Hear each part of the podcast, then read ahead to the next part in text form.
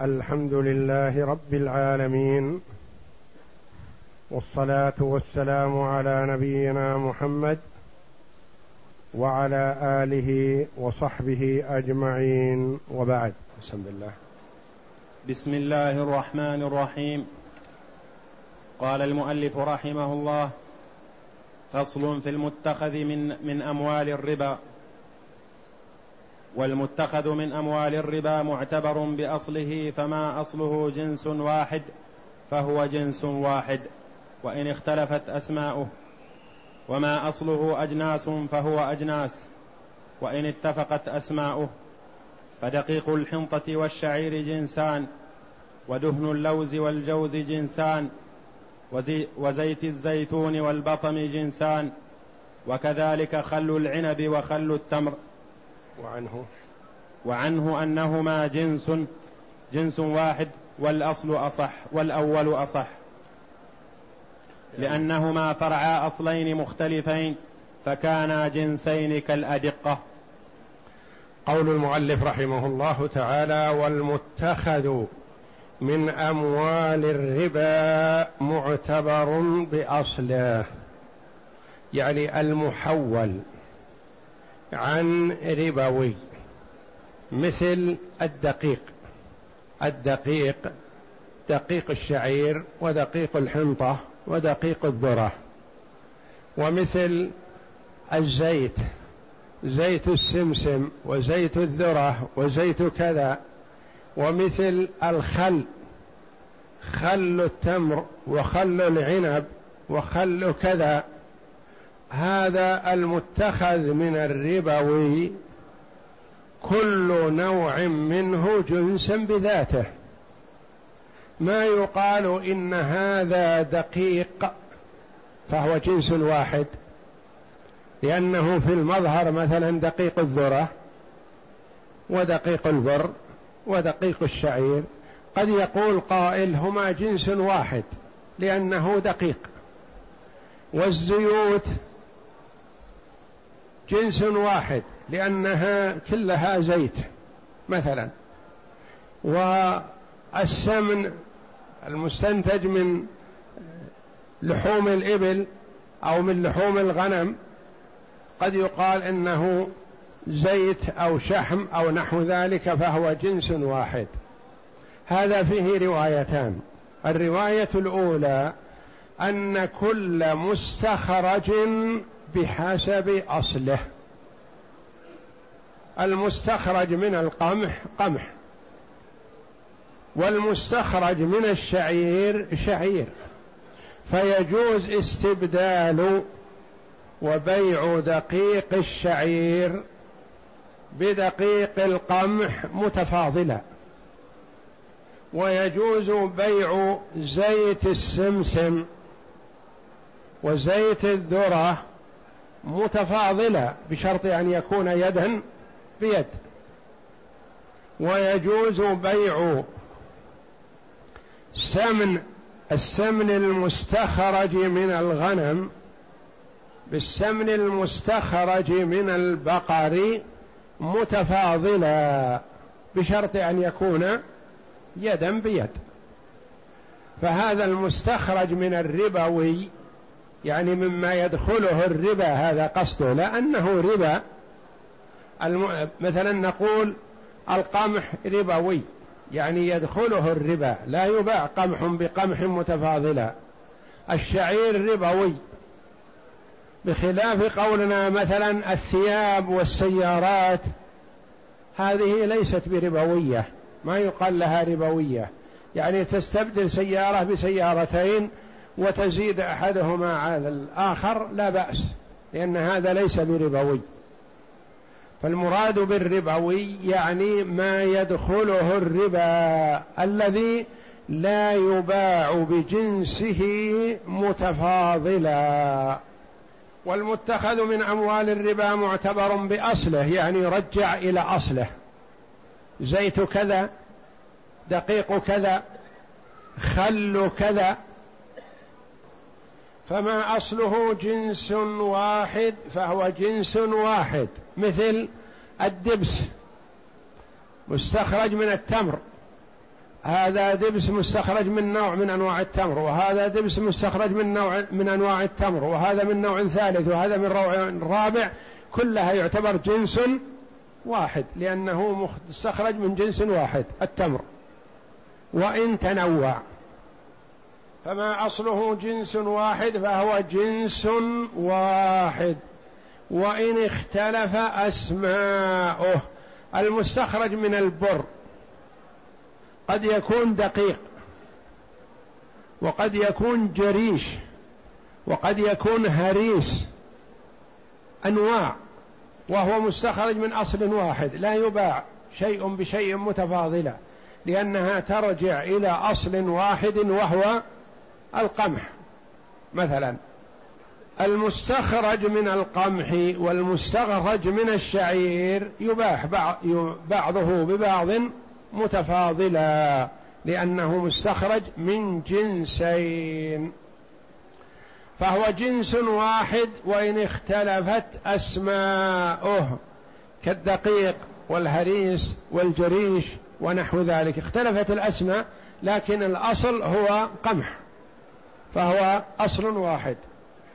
وما أصله أجناس مثل دقيق البر دقيق الشعير دقيق الذرة دقيق الدخن. هذا أجناس متفاو أجناس مختلفة. فهو أجناس وإن اتفقت أسماؤه كأن يقال عنه إنه دقيق. أو اتفقت أسماؤه يقال خل. خل التمر وخل العنب وخل الجزر وخل الفجل وخل الخيار هذا أجناس.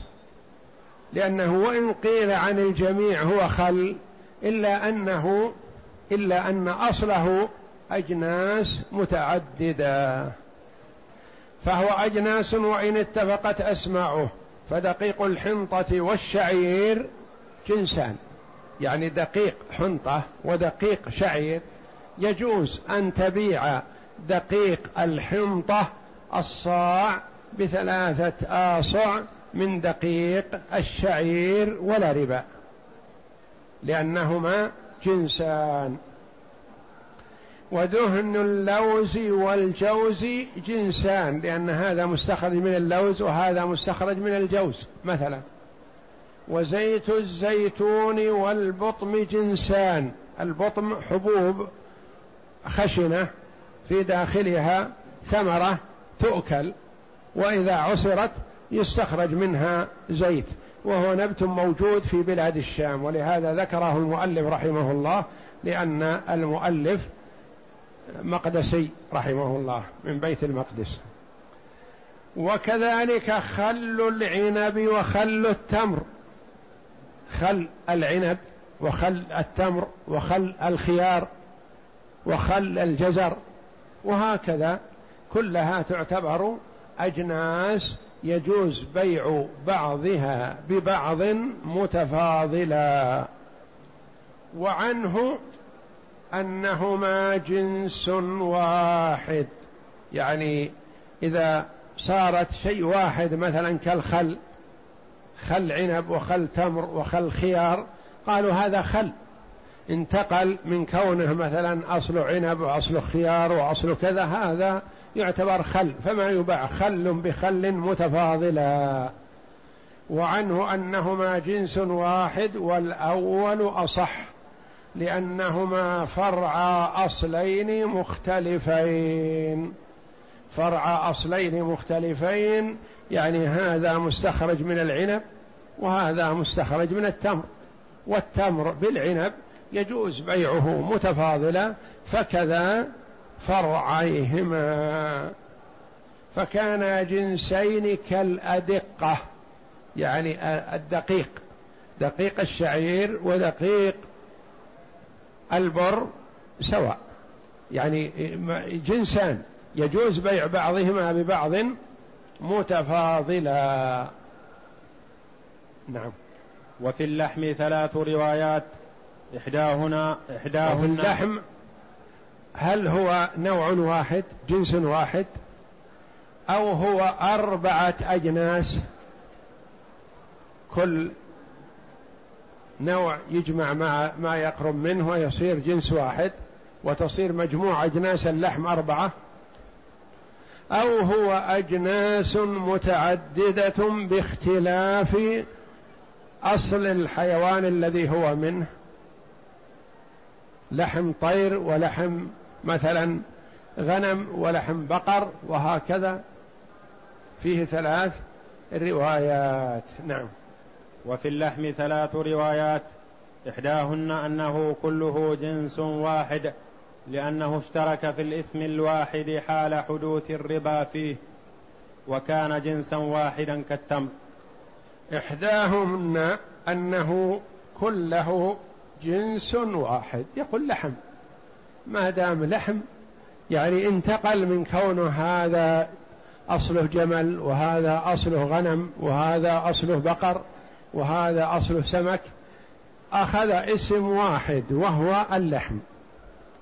لحم جمل غنم بقر سمك طير دجاج بقر وحش آه، حمار وحش ظبا وهكذا. قال هو نوع وجنس واحد وهذه الرواية بعيدة لأنه يختلف. لحم جمل ليس كلحم الطير ولحم الظبا مثلا يقال لابد بيعهما متساويين. فهما أجناس بحسب أصلها. نعم. الرواية الأولى أن اللحم كله جنس واحد فلا يجوز بيع بعضه ببعض متفاضلا. نعم. والثانية أنه أربعة أجناس.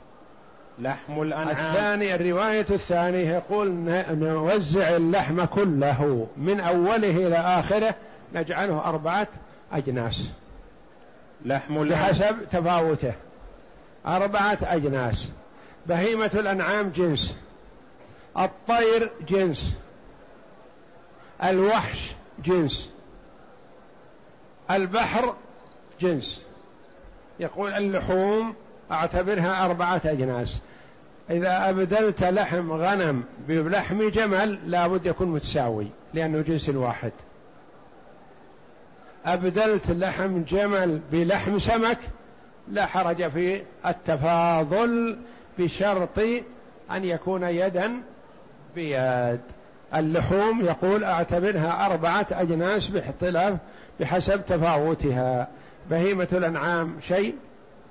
الإبل والبقر والغنم جنس واحد. مثلا الوحش حق البرية جنس واحد. الطير بين السماء والأرض في الهواء جنس واحد البحر في قعر الأرض جنس واحد. وزعها حسب تقاربها. السمك كله جنس واحد. ما يطير في الجو جنس واحد. ما كان في البرية متوحش جنس واحد. ما كان في البلد مستأنس من بهيمة الأنعام جنس واحد. يقول أربعة أجناس. نعم. لحم الأنعام ولحم الوحش ولحم الطير ولحم دواب الماء لأنها تختلف منفعتها والقصد إلى أكلها فكانت أجناسا. يقول تختلف. لحم بهيمة الأنعام ليس كلحم السمك. فنعتبر هذا جنس وهذا جنس والسمك ليس كالطير. والطير ليس كالوحش حمار الوحش وبقر الوحش والظبا والضبع وغيرها من الحيوانات البرية. نعم. نعم. والثالثة. والثالثة. والثالثة أنها أجناس لأنها فروع أجناس فكانت أجناسا كالتمر الهندي والبرني وبهذا ينتقض دليل الرواية الأولى والثانية لا أصل لها. الرواية الثالثة أن اللحوم أجناس متعددة كل لحم بحسب أصله. هذا لحم جمل وهذا لحم غنم هذا جنس وهذا جنس. هذا لحم جمل وهذا لحم بقر هذا جنس وهذا جنس. فيجوز أن تبيع ثلاثة كيلو مثلا من لحم الجمل بكيلو واحد من لحم الغنم لأنهما جنسان بشرط أن يكون يدا بيد. فيقول كل لحم جنس بحسب أصله. لحم جمل ولحم جمل آخر جنس واحد. لحم بقر كبير ولحم بقر صغير جنس واحد. لحم الضأن والمعز لأنه يعتبر غنم وزكاتها واحدة ومعالها واحد الضأن والمعز جنس واحد.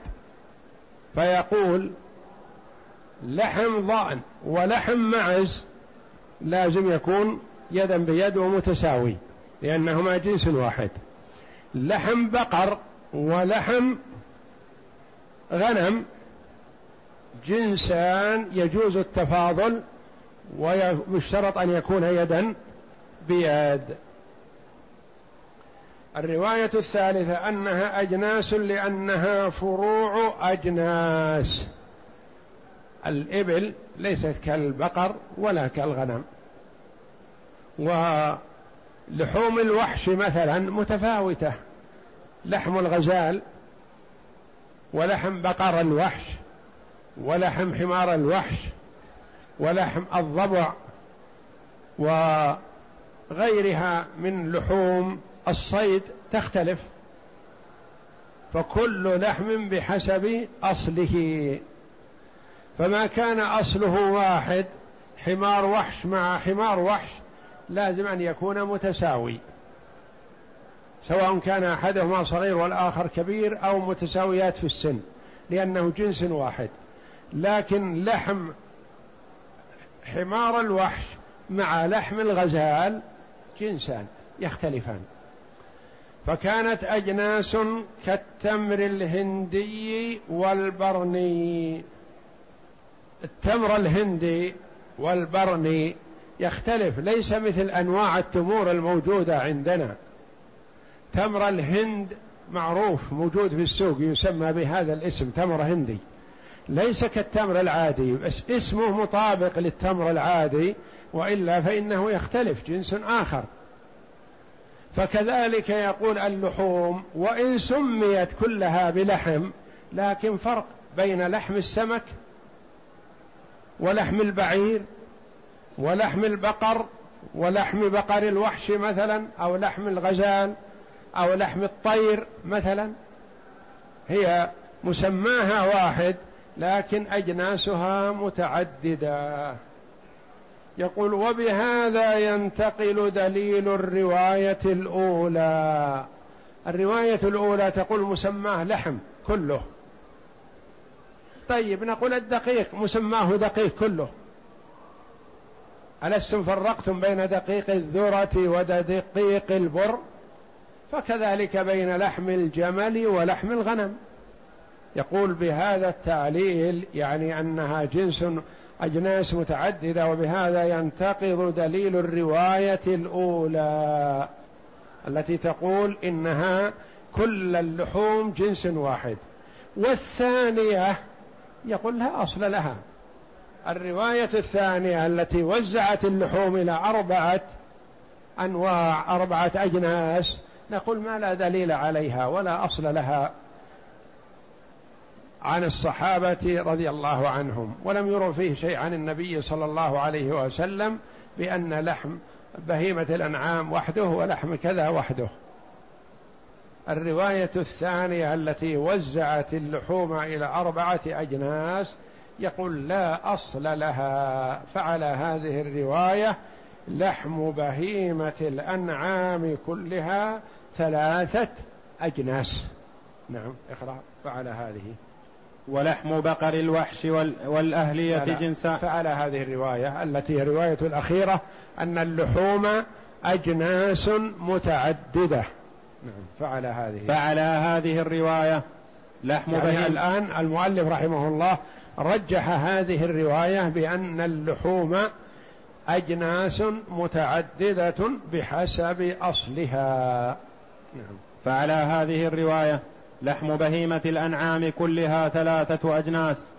ولحم بقر. ثلاثة أجناس ما هي؟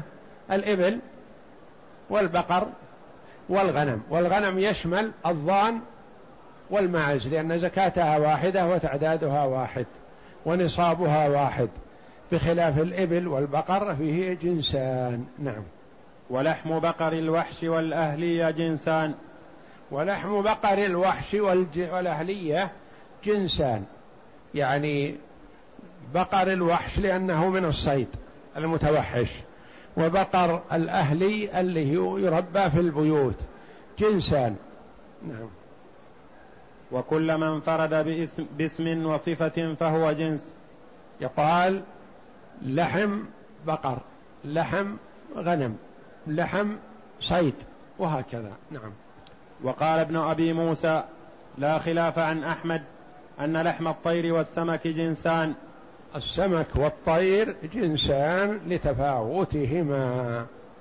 واحد يرتفع في الجو واحد في أسفل البحر. نعم. وفي الألبان من من القول نحو مما في في اللحم لأنها من الحيوانات يتفق اسمها فأشبهت اللحم. وفي الألبان من القول نحو ما في اللحم يعني في الألبان ثلاث روايات. أنها جنس واحد لبن البقر والغنم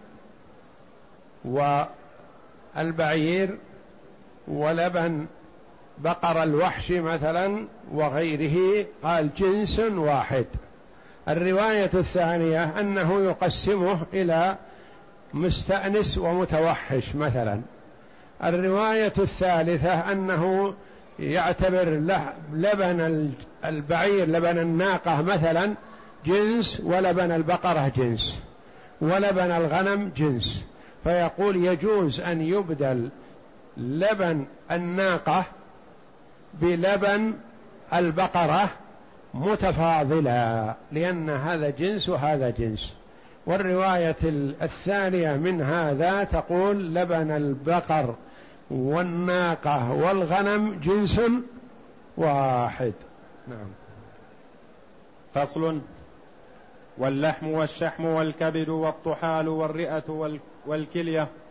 والقلب والكرش أجناس. هذه الأنواع وإن كانت مجموعة مثلا يسمى يشملها اسم اللحم أو أنها من حيوان واحد يقول هي أجناس. اللحم جنس. يعني ما تبدل لحم من حيوان من الظهر بلحم من الفخذ متفاضل. بل لابد أن يكون سواء لأنهما جنس واحد. لكن لحم بشحم تبدل كيلو من اللحم بكيلوين من الشحم لا بأس لأنهما جنسان. واللحم والشحم والكبد. الكبد تبدلها مثلا بلحم من الفخذ متفاضلة بشرط أن يكون يدا بيد لأن الكبد جنس ولحم الفخذ اللحم الأحمر جنس. والطحال كذلك. والرئة جنس. والكلية جنس. مثلا تبدل الكلية بلحم من الفخذ أو من الكبد متفاضلا لا بأس لأن كل واحد منهما جنس مستقل والقلب والكرش أجناس لأنها مختلفة في الاسم والخلقة. هذا اسم قلب وهذه اسمها رئة وهذه اسمها كلية متفاوتة في الاسم ومتفاوتة في الخلقة والميزة يتميز واحد عنها منها عن الآخر. نعم. ليس لحم الكبد مثلا كلحم الرئة يتفاوتان. نعم. لأنها مختلفة في الاسم والخلقة. قال بعض أصحابنا الشحم والإليا جنسان لذلك. لذلك قال بعض الفقهاء رحمهم الله من الحنابلة الشحم قد يكون أجناس. هو كله شحم. لكن شحم الكلية شحم الإلية إلية الخروف مثلا والشحم الذي يستخرج من البطن هذا يختلف عن هذا. هذه أجناس. وقالوا اللحم الأحمر والأبيض الذي على الظهر والجنبين جنس لاتفاقهما في الدسم المقصد ويحتمل أن يكون الشحم الذي يذوب بالنار كله جنسا واحدا. لاتفاقهما في اللون والصفة والذوب بالنار. ويحتمل كون الشحم الأبيض كله واحد سواء كان من البطن أو من الظهر أو من الإلية. الشيء الذي يذوب بالنار لأن اللحم ما يذوب في النار. إذا قلي في النار يبقى على ما كان عليه. بخلاف الشحم إذا أذيب في النار ذاب صار ماء صار زيت صار دهن. فقال ما يذوب في النار أصله يعني وإن اختلفت أماكنه فهو جنس واحد. نعم. وقد قال الله تعالى ومن البقر والغنم حرمنا عليهم شحومهما إلا ما حملت ظهورهما. الشاهد من الآية أن الله جل وعلا سمى الشحم الأبيض كله شحم ولهذا استثنى منه الشحم الذي يكون على الظهر. فالله جل وعلا سمى الشحم كله في في الحيوان سواء كان شحم إلية أو شحم مثلا في البطن أو شحم على الظهر سماه الله جل وعلا كله شحم واستثنى منه بعض أنواعه. فدل هذا على أنه جنس واحد. نعم. فاستثناه من الشحم. فصل. ولا يجوز بيع ما فيه ربا بعضه ببعض ومعهما أو مع أحدهما من غير جنسه.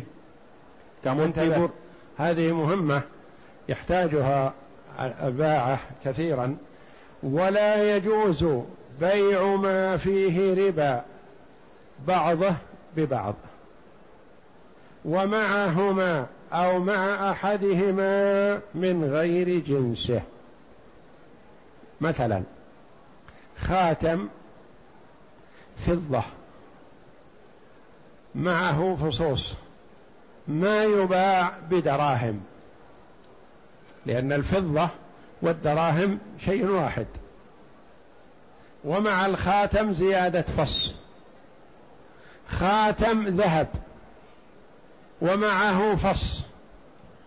ما يباع بذهب لكن خاتم ذهب فيه فص غير فضة مثلا يباع بالدراهم بشرط أن يكون يدا بيد. فمثلا شيء ومعه آخر ما يباع بجنسه خاتم فضة ومعه فص. لا يباع بخاتم فضة آخر ومعه فص سواء كان من نوع الفص الأول أو يختلف عنه. لأنه ما ينضبط على هذا تساوي الفضة مع الفضة. مثلا خاتم ذهب أو قلادة ذهب فيها فصوص. ما تباع بقلادة ذهب أخرى فيها فصوص سواء كانت من نوع الفصوص الأول أو تختلف. لأنها ما تنضبط. إذا أردت أن تبيع ذهبا فيه فصوص بجنيهات مثلا فلازم أن تخلع الفصوص وتزن هذا وهذا. أردت أن تبيع ذهب فيه فصوص أو خرز أو أي شيء ما بدراهم يجوز أن تبيعها كذا لأنه ما يشترط في هذا. التساوي ولا يجوز بيع ما فيه ربا كذهب وفضة وتمر وشعير وبر. قالوا على هذا مثلا إذا كان عندك بر حنطة فيه شعير ما تبدله بشعير ولا تبدله بحنطة. لأن الحنطة مع الحنطة ما ينضبط وجود الخلط. الشعير مع الشعير ما ينضبط لوجود الخلط. يجوز إبدال بعضهما ببعض. حنطة خالصة مع حنطة مخلوطة بشعير ما يجوز إبدال بعضهما ببعض. حنطة مخلوطة بذرة ما يجوز إبدالها بحنطة مخلوطة بشعير. لأن حنطة بحنطة والخلط هذا اللي معهما ما ينضبط. فما تنضبط حنطة بحنطة إلا صافيين. ولا يجوز بيع ما فيه ربا بعضه ببعض. بر ببر شعير بشعير ذرة بذرة ذهب بذهب فضة بفضة. ومعهما أي مع الاثنين أو مع أحدهما من غير جنسه. لا يجوز. ذهب بذهب ومع أحدهما فص. فضة بفضة ومع أحدهما أو معهما مع كل واحد منهما فص. ما يجوز. بر ببر ومع أحدهما شعير.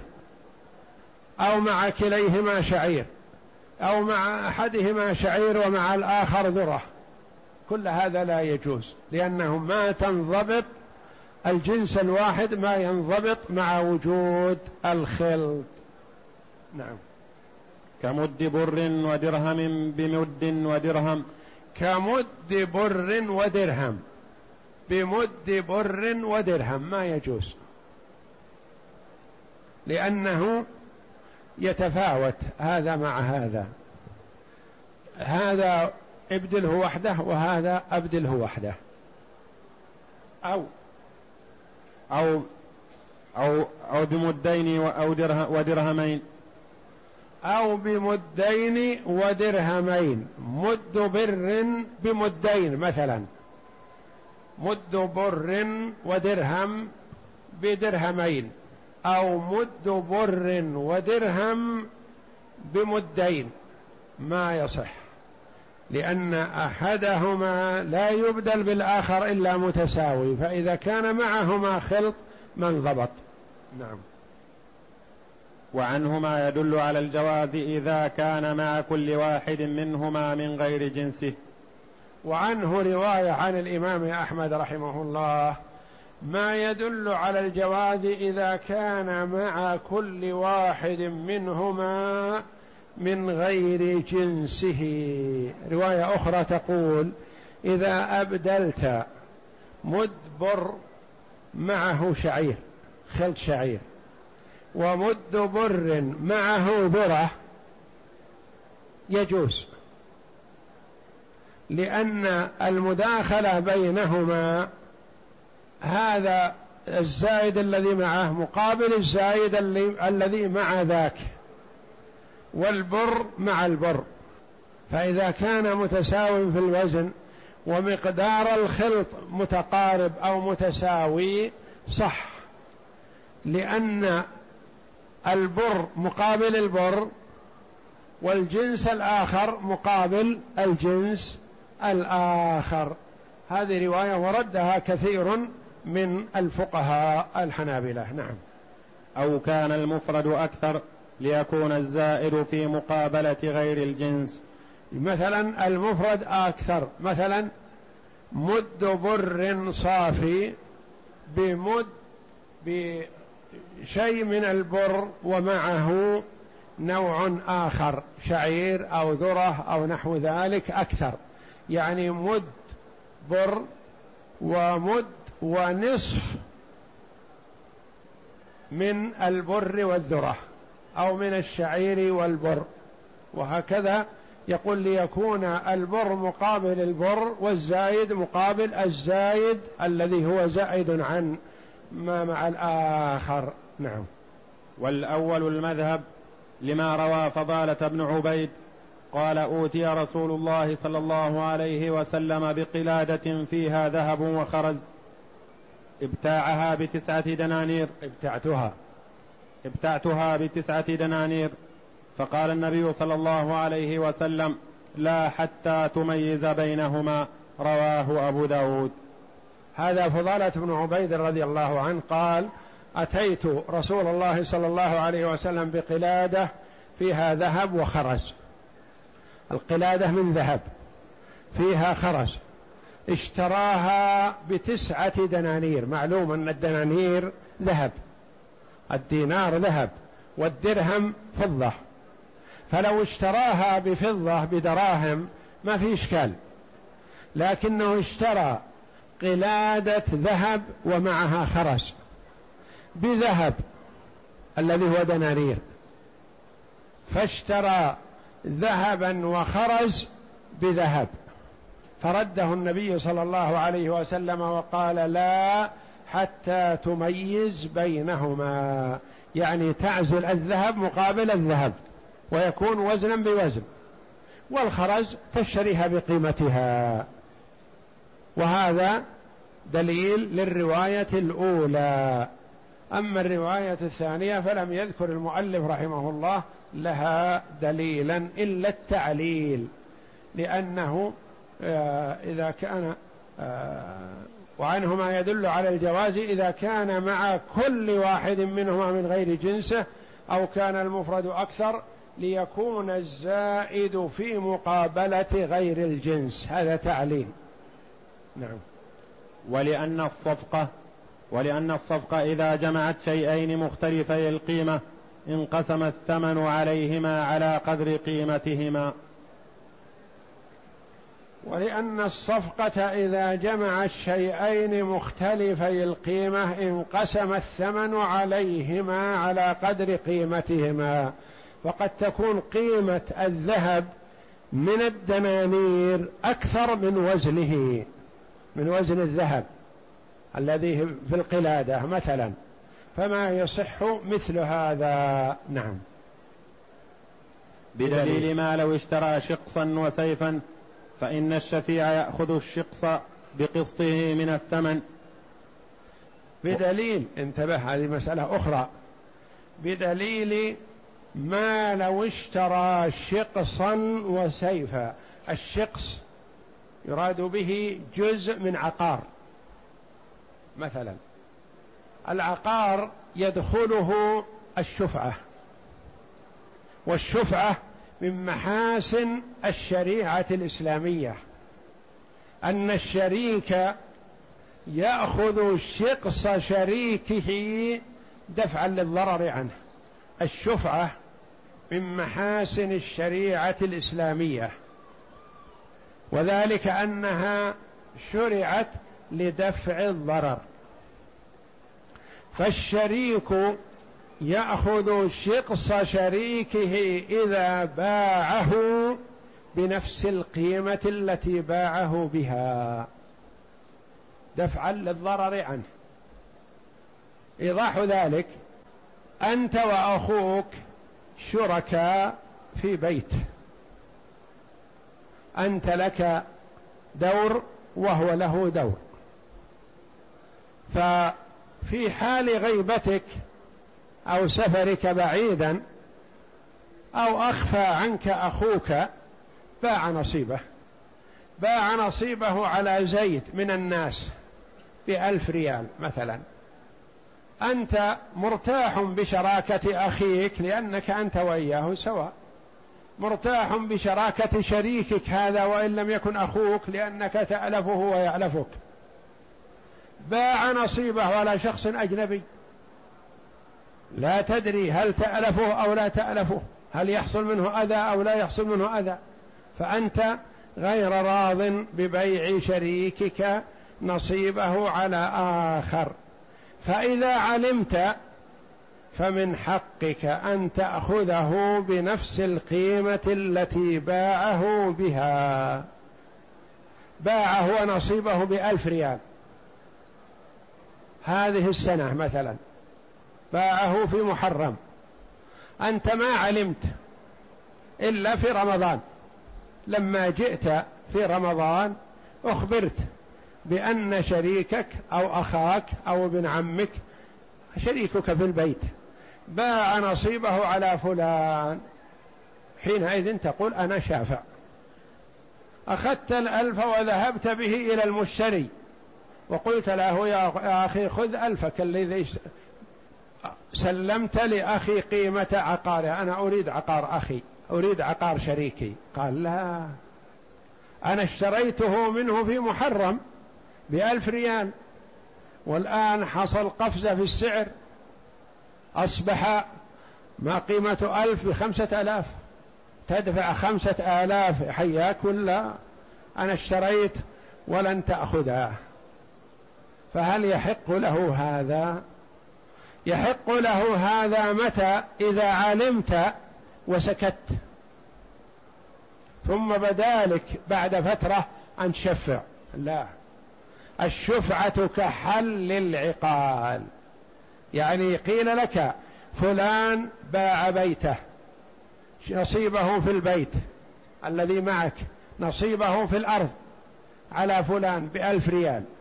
قلت مثلا الله يربحهم. أو بارك الله لهما في البيعة. خلاص انتهى شفعتك. لأنك أقررت ببيعة أخيك ورضيت بها.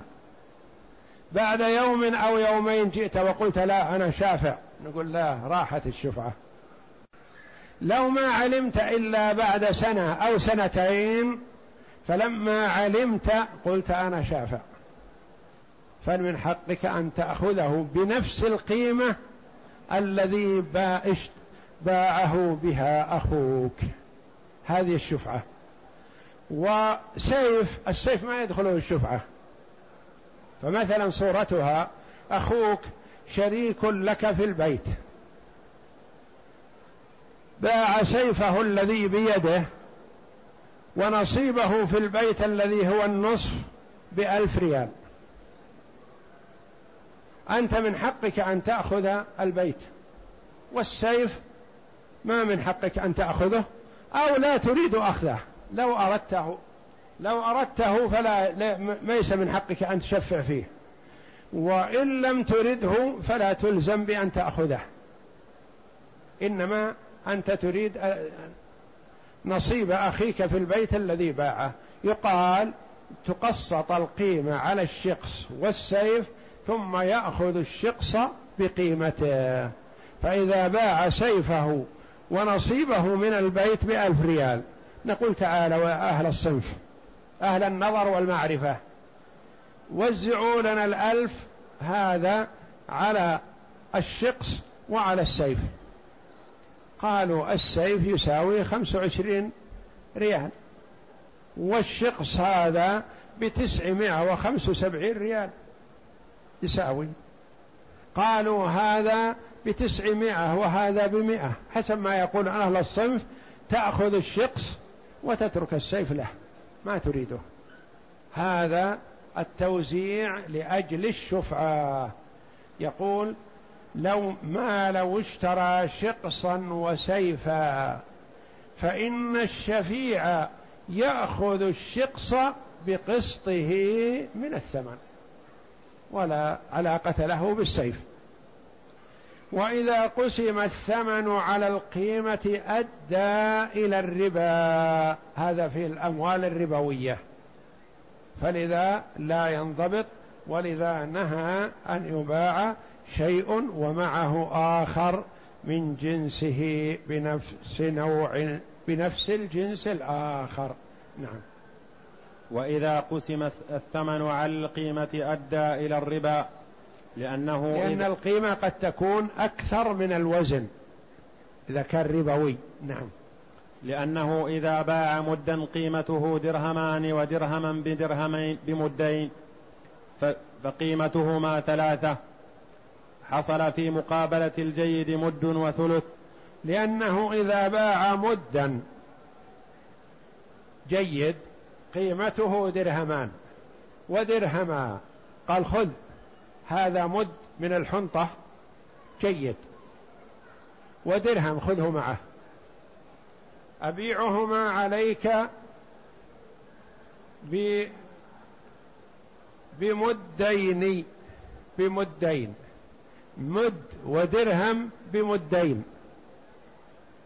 الجيد يختلف قيمته. مثلا قيمته درهمان وهذا الذي استبدلته قيمته درهم بقي النوعين متفاوتين في الفضل. ولهذا قال حصل في مقابلة الجيد مد وثلث مد.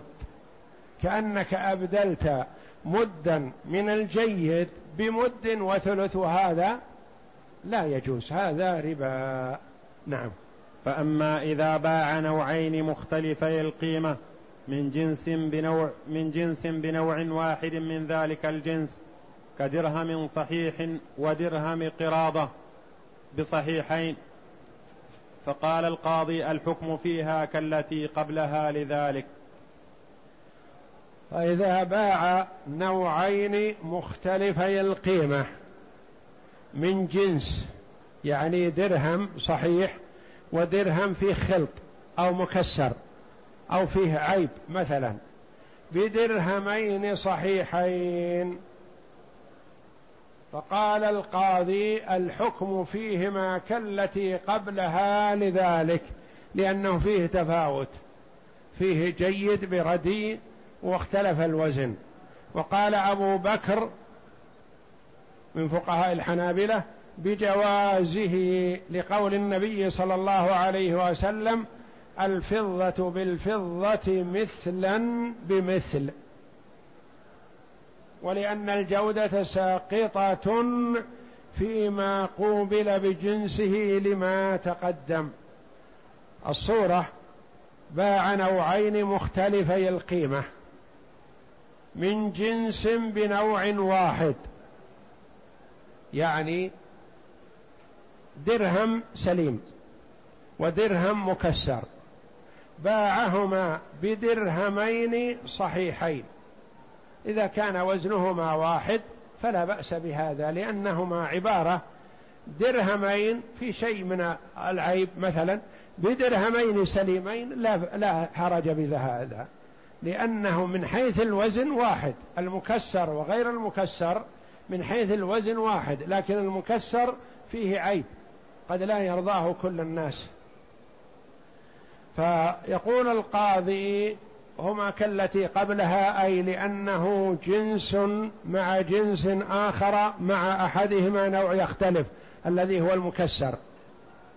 وقال أبو بكر يجوز لأنه ما دام الوزن واحد فلا ضرر في هذا لأن الجودة لا قيمة لها في الجنس الواحد. فمثلا ذهب بذهب ذهب جديد مع ذهب قديم لا بأس. بشرط أن يكون وزن بوزن. فلا يقال هذا جيد ذهب جديد يدفع له فرق. الجودة لا قيمة لها في النوع الواحد. لا يقال هذه حنطة ممتازة وهذه حنطة مغشوشة. مثلا زد هذه عن هذه نقول لا هذا لا يجوز. لا بد أن يكون مثلا بمثل. نعم. وقال أبو بكر يجوز لقول النبي صلى الله عليه وسلم الفضة بالفضة مثلا بمثل ولأن الجودة ساقطة فيما قوبل بجنسه لما تقدم.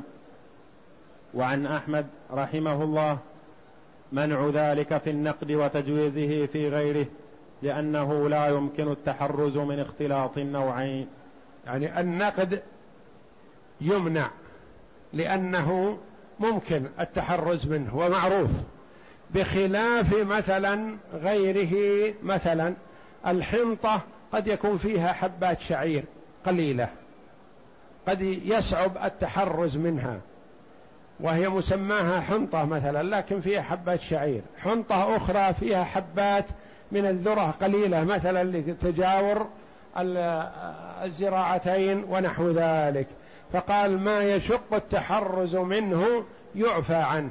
وما لا يشق التحرز منه كالعملة كالذهب بالفضة والنقد فهذا يجب التحرز منه والله أعلم.